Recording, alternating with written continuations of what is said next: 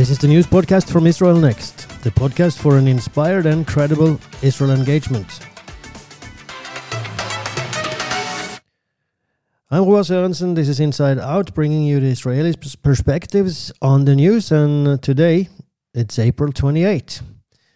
So um, another week, another uh, eventful week has, has passed in Israel, and we are going to talk about uh, the things that have taken place, uh, starting with the soothing unity that resurfaced on Memorial Day and Independence Day uh, this week. Uh, was soothing because of what has been happening the last few weeks. Then we're going on to speak about uh, the largest, maybe the largest ever right wing demonstration taking place in support of the judicial reform that was yesterday. And Netanyahu, uh, Prime Minister of Israel, might be looking for a plea deal in the court cases against him. So uh, there are some contacts between him and the Attorney General, the Attorney General's office uh, this week. So we'll see what happens there. Then, uh, after some news in short, we will speak about this uh, week's Torah portion that has to do with uh, holy things, holy living, and why we need to confess sins and what it means to love your neighbor. So uh, that's on the agenda for this episode. But first, to um, the soothing unity that took place in Israel this week. And it was really uh, nice to see and listen to um, uh, this unity that took place. Of course, uh, it's uh, during uh, special circumstances because uh, th- this week was Israel marked Memorial Day for fallen soldiers and terror victims. Uh, and that's 28,400 and something that in total they are counting.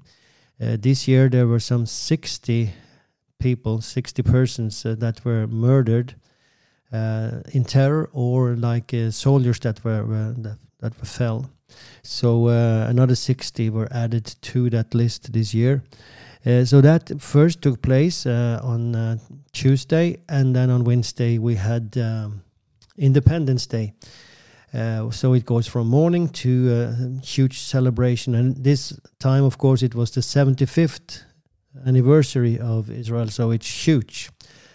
And uh, under those spe- special circumstances that we have been talking about, with um, judicial reform taking place and uh, the demonstrations pro and against, uh, mostly against, uh, so uh, a lot of things are taking place inside Israel.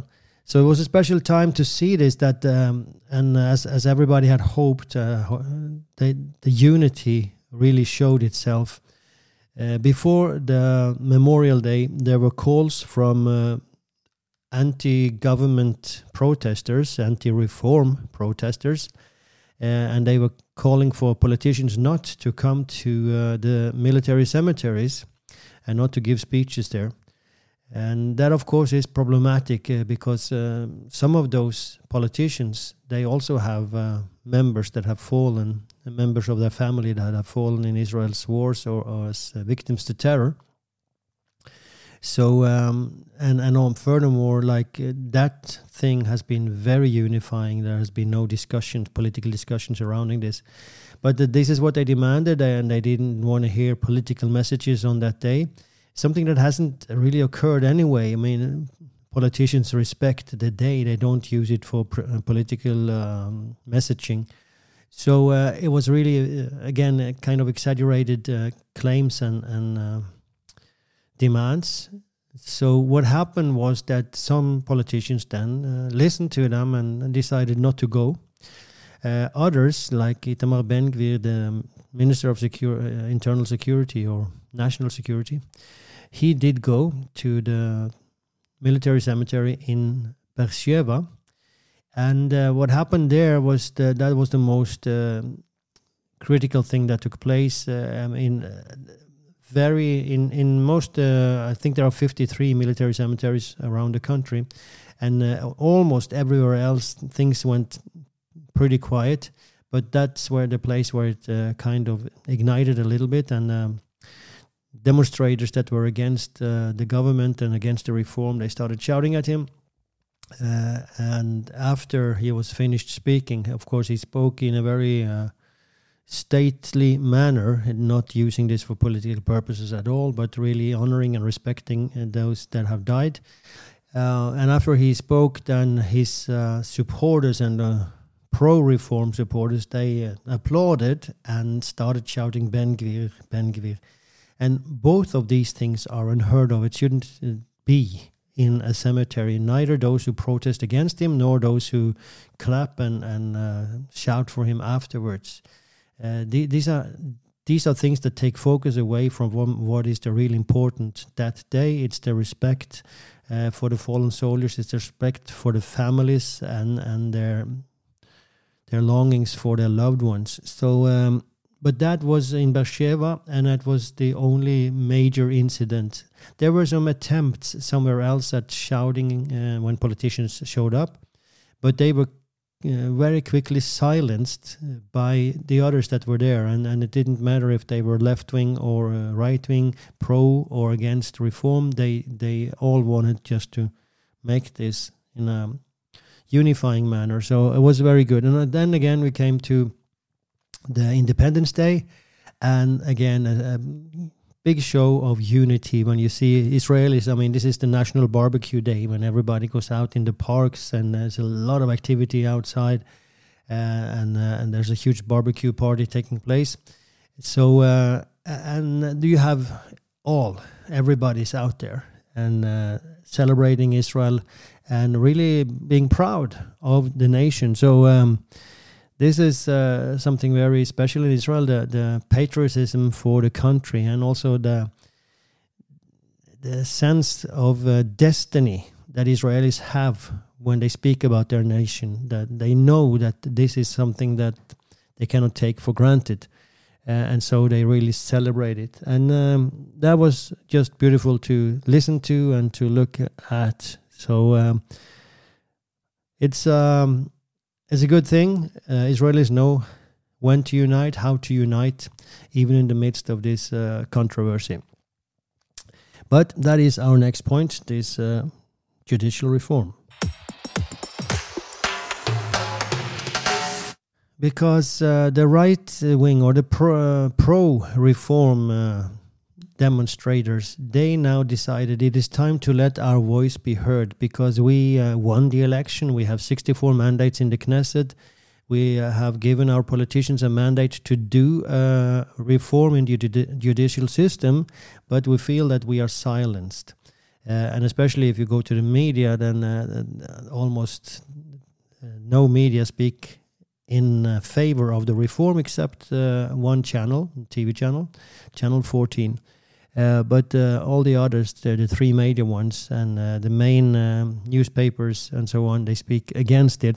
So uh, they say, we, we feel we are not being heard. We feel this reform is now in danger because Netanyahu has kind of put it on hold. And uh, so they want to say, hey, we want this. And of course, um, when you say, when you're speaking about the reform in, in big words like this, in general terms, then it's hard to say what they really want. I, I think there are very few who want this reform in its fullness. But anyway, they want a reform. So anyway, this demonstration took place in Jerusalem, uh, in the area between the Parliament and the Supreme Court, and that's also where you have all the government uh, buildings, the ministries like the Finance Ministry and the Bank of Israel, Foreign Ministry. So in the streets surrounding that, that's where the demonstration took place. That's where the other big uh, demonstrations have taken place against the reform as well. But anyway, there were more people now than there has been on those other ones, uh, and estimates vary. They, they, are very careful in giving numbers. Uh, the Israeli police do not give numbers anymore and also the newspapers are very careful in giving numbers. So estimates vary from 200,000 to 600,000. So, uh, and there are even those who say there were more than 600,000.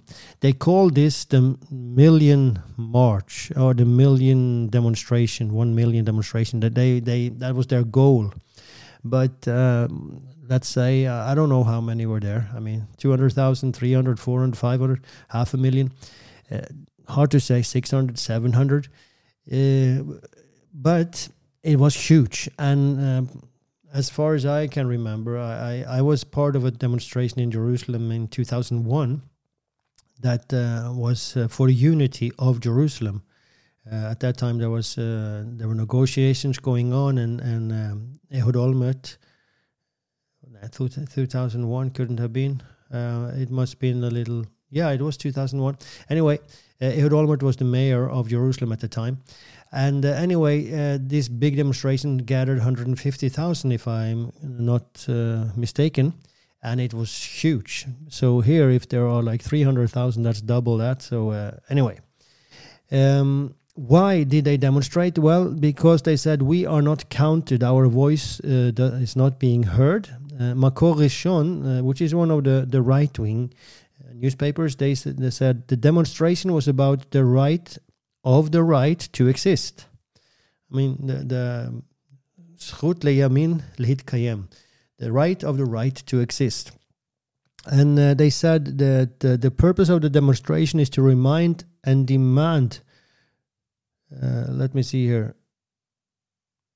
Okay, uh, now I've got some uh, mix up in my quotes here. Uh, the purpose of the demonstration is to remind and demand from our elected officials in the government and the coalition that the people want a judicial reform, that the people are behind them, that the people give them strength. This was the organizer of the organization, Berele Krombi, who said this. Then we have uh, Parliament member Avichai Boaron from the government side. And he said, We are the majority at the voting booths, but we can't really run the country.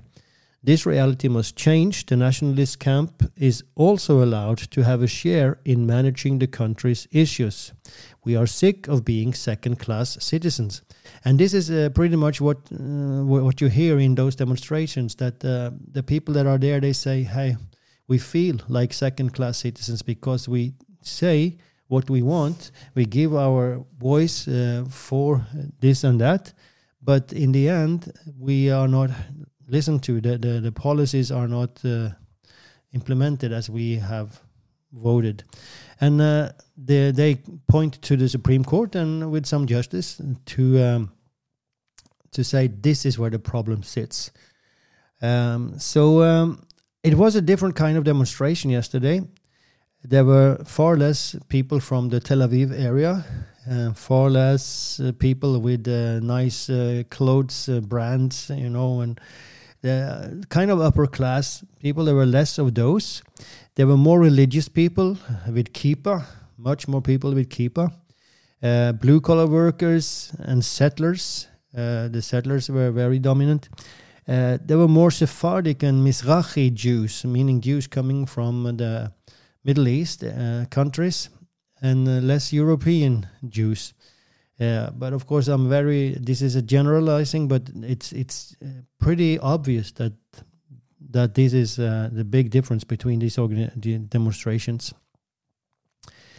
there were not so many um, ultra Orthodox people in this demonstration and uh, an article that, that has to do with an article in the ultra orthodox uh, newspaper uh, that uh, one of those uh, newspapers that said uh, the ultra orthodox must stay home because if they go his citizenship any ultra orthodox that goes there his citizenship in the house of god is revoked. There was very strict warning to the ultra orthodox not to go and and why was that? Well the argumentation uh, was that this is human pride. You're trying by the strength of your own hand to uh, force the will of this nation, and that's something that the masses shouldn't do. The masses of people.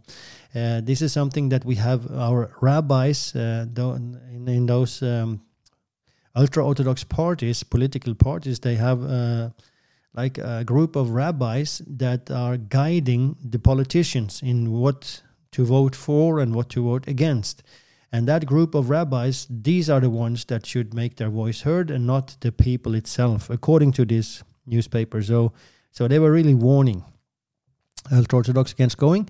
Then there were other ultra Orthodox leaders and rabbis that said the opposite. No, we have to go because this we cannot tolerate that uh, our rights are, are being trampled upon. Uh, so anyway, in the end, there were ultra orthodox there, uh, and they were not dominant, but they were definitely there. Yariv Levin, Justice Minister, who is kind of pushing this reform, uh, he was speaking at the event and uh, he said that uh, there will be a judicial reform. This is what the people voted for a half a year ago, and they will have it. So he, he just confirmed. The thing that also was special with this demonstration was that absent from the largest right wing demonstration maybe ever was uh, the right wing leader, Benjamin Netanyahu, prime minister. So uh, people were shouting, Where is Bibi? Where is Bibi? And uh, that is a good question because uh, Benjamin Netanyahu uh, might not have been overly happy about this demonstration because he is trying to put brakes on the reform, trying to find a compromise. And uh, many of those that were there are not looking for a compromise. And this uh, demonstration strengthened the hand of the justice minister who is pushing for a full reform. So there is now tension between the justice minister, Yariv Levin, and the prime minister, uh, Benjamin Netanyahu, who's looking for the compromise. So uh, Yariv Levin has threatened with resigning if this reform doesn't go through in the near future. So uh, here, here there is an internal tension in the government. Um, then uh, that was yesterday. Now, Saturday evening, when the Shabbat ends, you can expect a new anti demonstration against the reforms because that's what has been taking place the last three months. Uh, every Saturday evening, there are huge demonstrations against the reform. So that will probably continue now on Saturday again. The struggle for public opinion is ongoing, and I guess that was what this huge demonstration wanted to send the message they wanted to send yesterday that hey, there are many of us as well, and we want this. We want our voice to be heard. So um, the both uh, groups have said they want to continue to demonstrate, uh, and at the same time, the negotiations are taking place under presidential supervision uh, th- there are mixed messages coming out uh, if there is a progress or no progress, good atmosphere, not good atmosphere. But um, at the moment, there there is no big results, and uh, there are voices saying that this is just uh, dragging, time dragging, and trying to pull this out by the opposition. And uh, while they hope that the demonstrations will topple the government. But everybody knows that this cannot go on forever and also the opposition knows that uh, it cannot uh, because it really tears the the society apart. I mean, as we saw during these uh, events this week, unity is still there on a deeper level. There is still unity, but uh, if it continues like this, and uh, it cannot really continue like this, so uh, there has to be a compromise of some sort, and we'll see just when it will come. It's it's really hard to say what happens next, but uh, hopefully the voices of unity, because as I've been saying previously in this podcast, also there there are more and more voices calling for unity, calling for a compromise, and that those voices will have to be heard in a stronger way, and uh, that might be the thing that in the end decides. You can hope. Um, hopefully, common sense will repay, replace these heated emotions that we have right now, and a compromise will be found.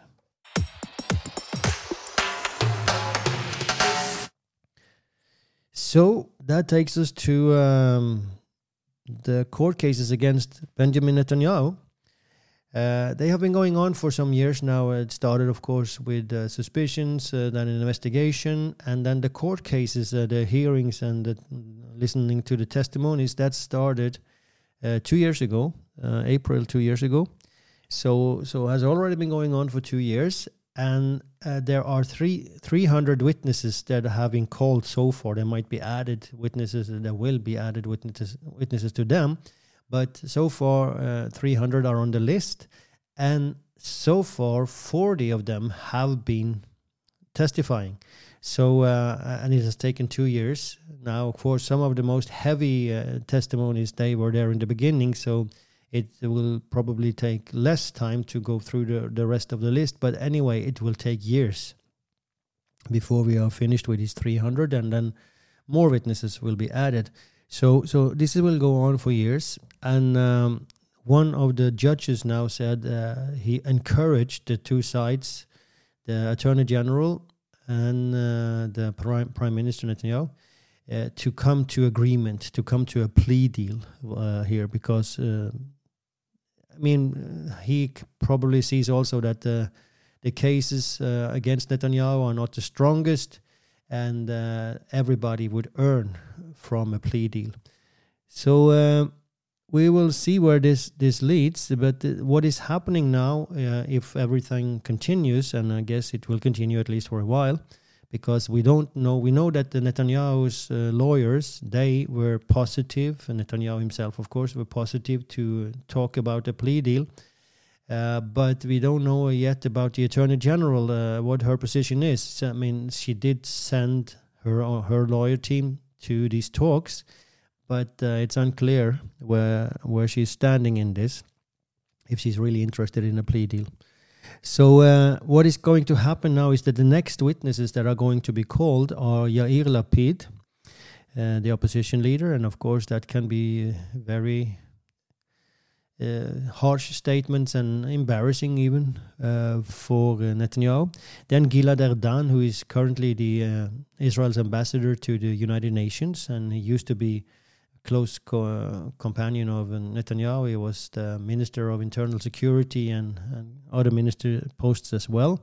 But he is also on on the testimony bench uh, very soon. And then Ari Harow, who used to be the chief of staff of the Prime Minister's office.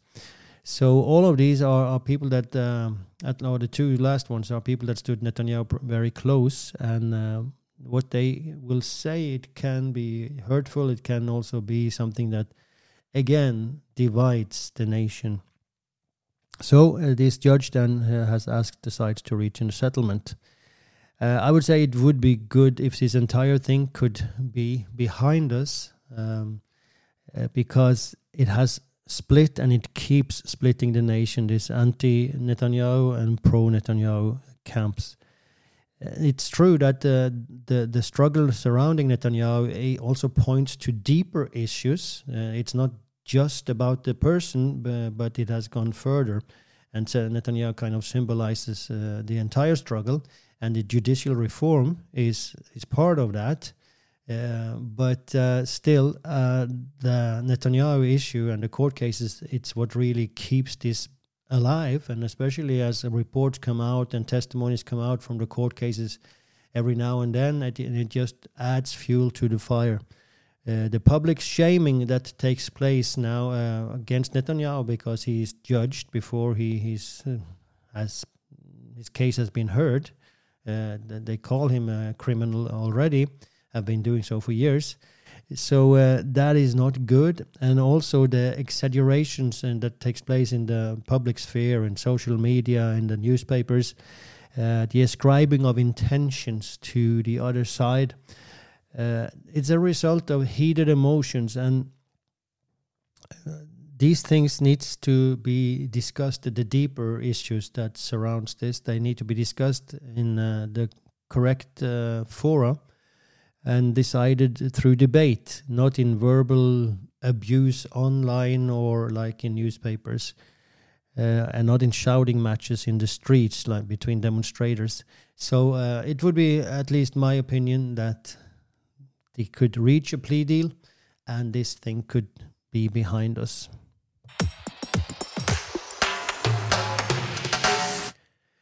Then we come to news in short, and um, Israel on Independence Day, they every year they have an annual competition of uh, in Tanakh, in the Old Testament as we call it, Tanakh, uh, and uh, knowledge there. So so they have like a competition who knows the most uh, from this book of books, and. Um, so every year they have like finalists because first they have like school uh, competitions in the different schools and this is among Jews all over the world Uh, they have these in the schools, then they have in the districts and uh, the towns, and then they have on a national level. And from that national level, then they send uh, representatives to the final that takes place on Independence Day, uh, broadcast on live TV.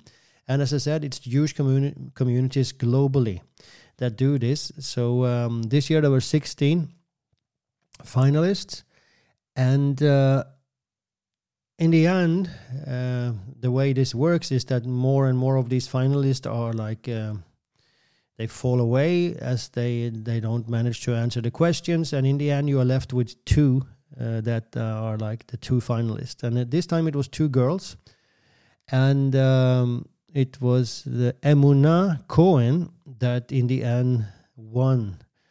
Uh, Emuna Cohen is a pretty fitting name also for a master of Tanakh. Emuna means faith, and Cohen means, of course, priest. So uh, it's a very fitting name. Uh, she uh, is studying at an ulpana. It's like a religious uh, girls' school in Gedera, so uh, she is from Israel. We could, it could have been a Jewish Jewish person from outside that could have won this. So anyway, so she now is the informal uh, world champion of Tanakh, and uh, she was interviewed and and uh, they they asked her so how how do you study for these things because these are small details in the Tanakh what names that are obscure names. Uh, where this where do you find this name and so on.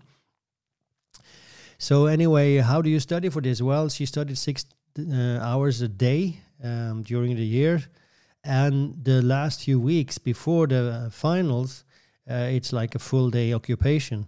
And the method that she used was that she uh, learned Tanakh by heart, but by putting melody to the to the text. So that was her method, and um, well, it's just interesting. And and she also said uh, she wasn't really so interested in Tanakh. She didn't. It wasn't love for Tanakh that uh, that caused this interest. She she wanted to win this competition, so she started studying Tanakh. But as she studied Tanakh, she fell in love with Tanakh. So now it has become like her life, so to say, and she wants to work with this teaching Tanakh. So interesting and uh, very um, good tradition that they have there.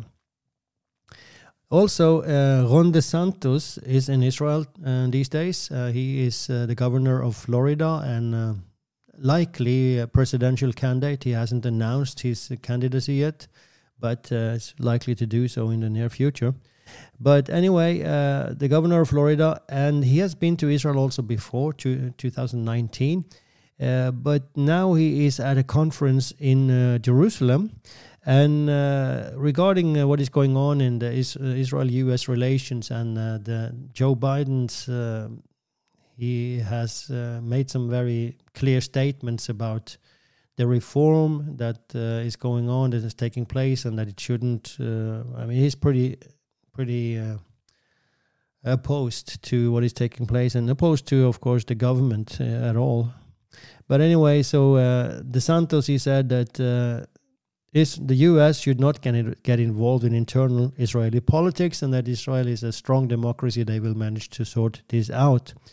When uh, either when he was here last time or this time, he also said that Judea and Samaria are not occupied territories, but it is the historic land of the Jewish people and uh, it might be called disputed territory, but it's not occupied territory. So that is a good, uh, good stand for a possible president of the U.S.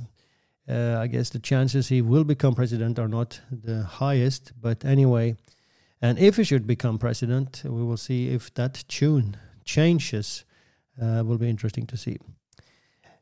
Then another uh, piece of news is that the leader of the Lions Den, and I know I forgot his name, uh, but he um, Lions Den is of course the terror organization in Nablus, the biblical uh, Shechem. Uh, he has now turned himself in to the Palestinian Authority, and that happened this morning, Friday morning. And uh, the reason is uh, reported that uh, he was afraid that he would be killed by Israeli security forces and uh, that is a quite a probable thing that would have happened.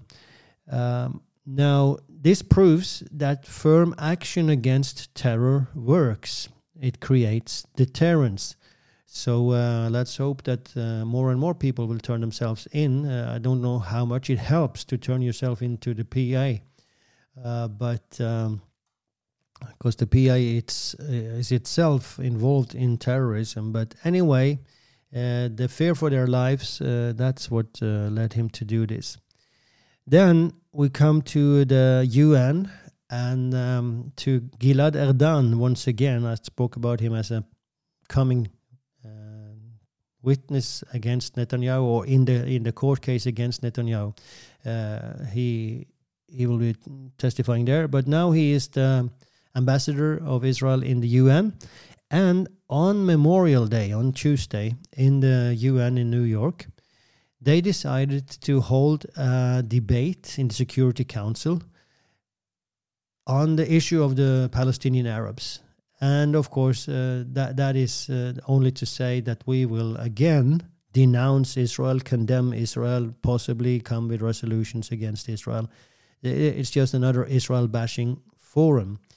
So um, Israel asked for this debate to be moved, not uh, to take place on that specific day when Israel commemorates its fallen soldiers and terror victims. Uh, they were not heard. The, the, UN refused to move this.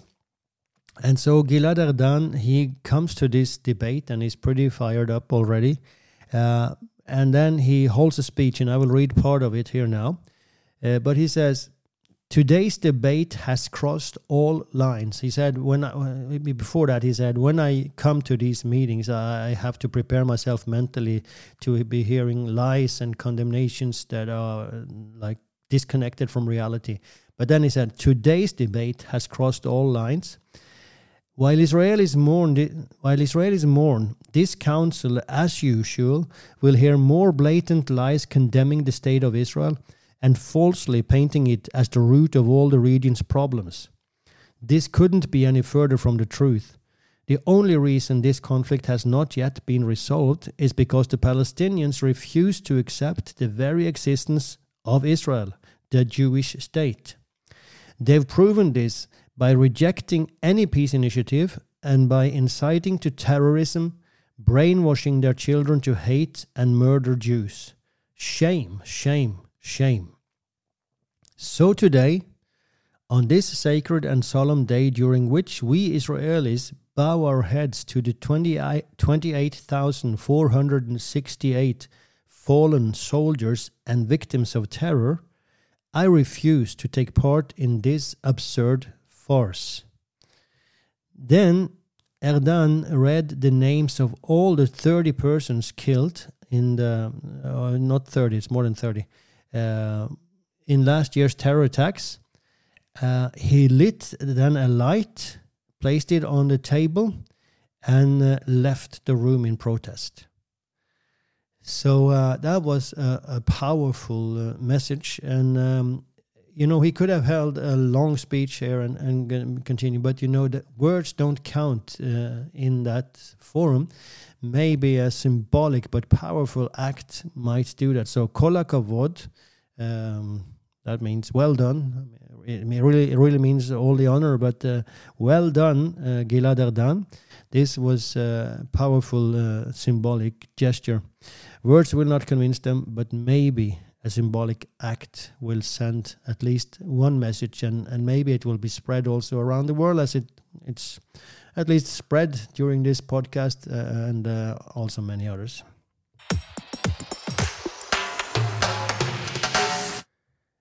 And then we arrive at the Torah portion, which this uh, week is um, it's two portions, Achrei Mot and Kedoshim. Uh, and that goes from Leviticus 16.1 to 2027. Uh, Achrei Mot means after the death, and uh, the uh, the other one, Kedoshim, uh, means uh, about holy things, holy things. So, what we have here is that God instructs Moses what Aaron should do when he enters the Holy of Holies. There's a long description of the rituals of Yom Kippur, And then God forbids sacrifices to idols. He speaks of the sanctity of the blood and forbids eating it. Then there are laws against all kinds of sexual immorality and forbidden sexual relations. Uh, God also gives various laws to Israel, including the Shabbat, not to harvest the corners of, one, of one's fields, not cheating your neighbor, to be just in judgment, to love your neighbor as yourself, not eat blood, not shave around the sides of your head, race before the gray headed, to treat a stranger well, and use honest scales. Then again comes laws against illegitimate sexual conduct, such, such as adultery and homosexuality. Uh, doing this was what caused the land to vomit out its former inhabitants. And then God says He will give the land to Israel to possess it and tells them to be holy as He is holy, and He has separated them from among the nations. So that's the the content, uh, and uh, of course, a huge part of this and the entire book is is this uh, saying, "You shall be holy, for I am holy." But holy, then, what uh, what does it mean? And uh, a way to describe it is to be set aside by God for a specific purpose. Uh, but how does it express itself? That's really because there's there's not so much theoretical explanations about what it is to be holy based on what happens to holy tools in the temple and in the tabernacle. We, we can say that okay these tools have been set aside. I have separated you as a people from among the nations.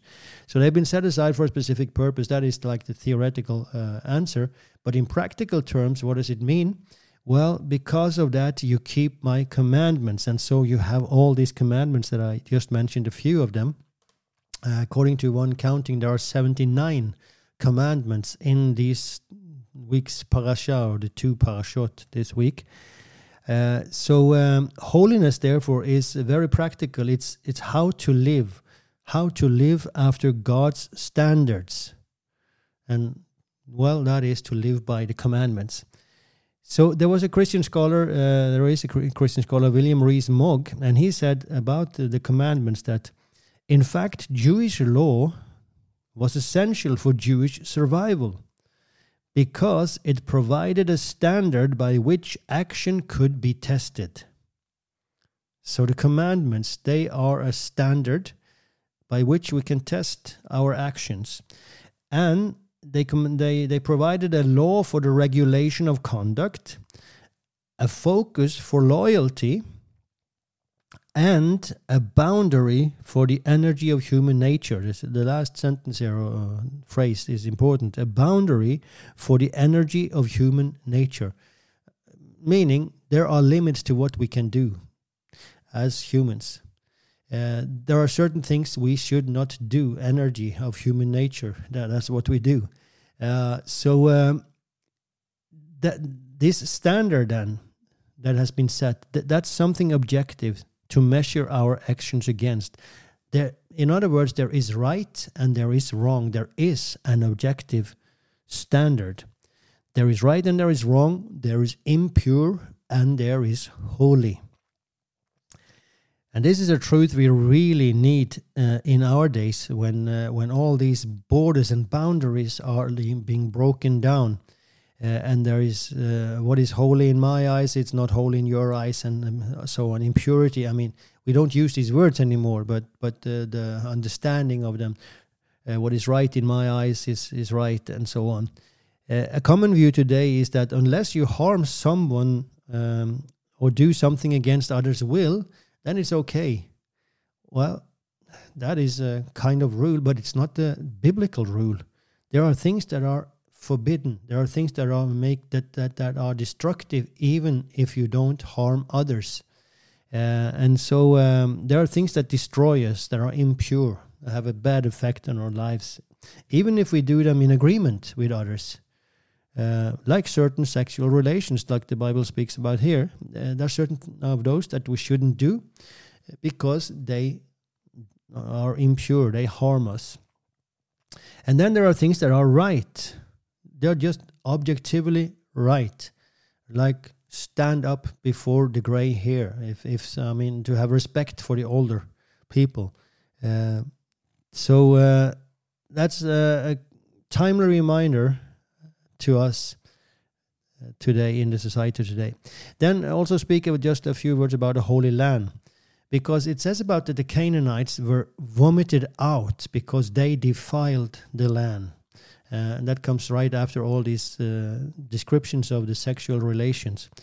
Uh, so the Canaanites were vomited out, but other lands, people did the same as the Canaanites, but they were not vomited out of their land because Israel is the holy land. That is the land of God. It's that that that is where the land that can and will vomit out its inhabitants uh, if they behave in that way. So um, that's just a confirmation of it. There is a holy land. Then uh, this entire parasha it starts with um, Aaron and uh, what he should do on uh, Yom Kippur, the Day of Atonement. It's, uh, there's like the liturgy for Yom Kippur. And the first thing he should do is, uh, or at least one of the first thing, is to sacrifice, uh, sacrifice for himself, for his own sins. And um, that is interesting because uh, Mo- Moses or God is telling him first, ask forgiveness for yourself. He could have answered, but I am a leader. Uh, I'm a role model. I, I shouldn't be seen as a, a sinner. Um, but that's exactly because he is a leader, because he is a role model. That's exactly why he should sacrifice uh, for himself. Because the Bible helps uh, Israel admit their mistakes and it helps uh, that that is something that is good for the entire society uh, because it also helps us knowing that God forgives. Uh, it also uh, makes us see the separation between the sinner and the sin.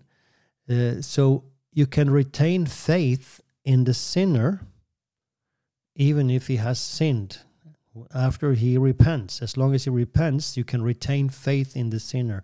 And that's because we all know that we also sin.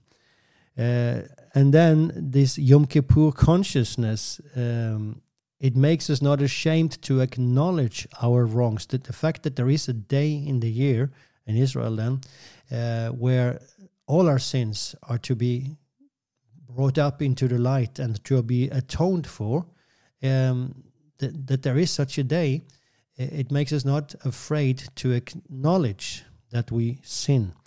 And uh, of course, unless you acknowledge that you sin, you cannot be forgiven. So uh, that this is a, a, really good thing, and a society that has this, and uh, still Israel has this every year, this Yom Kippur. It's uh, something that can be a healing factor in a society, compared to a society where nobody speaks about sin, uh, nobody thinks about sin and considers anything sin almost.